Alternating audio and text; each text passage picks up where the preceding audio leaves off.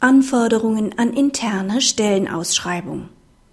Der Betriebsrat kann seine Zustimmung zu einer Versetzung nicht nach 99 Absatz 2 Nummer 5 Beta VG verweigern, nur weil der Arbeitgeber eine unbefristet ausgeschriebene Stelle nach Ablauf von zwei Wochen besetzt.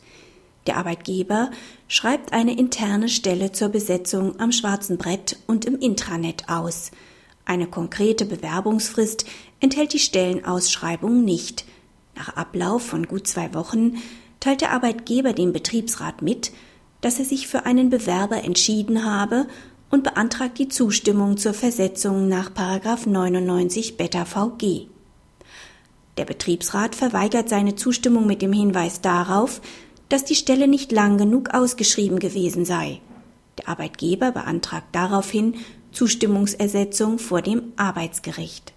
Das Bundesarbeitsgericht gibt dem Arbeitgeber Recht. Der Betriebsrat kann seine Zustimmung zu der Versetzung nicht nach 99 Absatz 2 Nummer 5 Beta VG verweigern, da die konkrete Ausschreibung ordnungsgemäß war. Aus dem Gesetz ergeben sich keine ausdrücklichen Bestimmungen hinsichtlich Inhalt, Form und Frist einer Ausschreibung. Die Betriebspartner können hierzu zwar freiwillig nähere Regelungen treffen, solche Regelungen bestehen im Streitfall aber nicht. Der Zweck der Regelung besteht darin, die ausgeschriebene Stelle den Arbeitnehmern zur Kenntnis zu bringen und ihnen die Möglichkeit zu geben, sich auf die Stelle zu bewerben.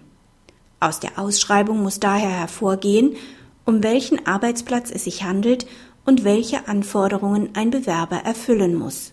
Außerdem muss die Bekanntmachung so erfolgen, dass möglichst alle Arbeitnehmer die Möglichkeit haben, von der Ausschreibung Kenntnis zu nehmen. Eine bestimmte Mindestdauer für die interne Stellenausschreibung besteht demnach nicht. Es ist im Hinblick auf den Gesetzeszweck lediglich zu fordern, dass unter Berücksichtigung der Interessen des Arbeitgebers an einer zügigen Stellenbesetzung Arbeitnehmer, die zumindest theoretische Möglichkeit haben müssen, über eine mögliche Bewerbung auf die Ausschreibung zu entscheiden. Ein Zeitraum von zwei Wochen ist insoweit im Regelfall nicht als unangemessen kurz anzusehen.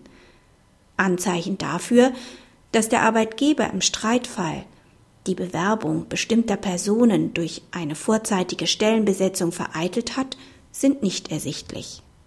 Praxishinweis Angesichts der vorliegenden Entscheidung empfiehlt es sich für die Unternehmen kaum, bestimmte Fristen in Stellenausschreibungen nach 93 Beta VG aufzunehmen oder konkrete Modalitäten für die Ausschreibung mit dem Betriebsrat in einer freiwilligen Regelungsabrede oder Betriebsvereinbarung zu vereinbaren. Das BAG räumt Arbeitgebern nämlich hinsichtlich der Ausschreibungsmodalitäten einen erheblichen Beurteilungsspielraum ein. Wird dieser seitens des Arbeitgebers aufgegeben, führt dies zu einer Selbstbindung, die sogar diskriminierungsrechtliche Auswirkungen haben kann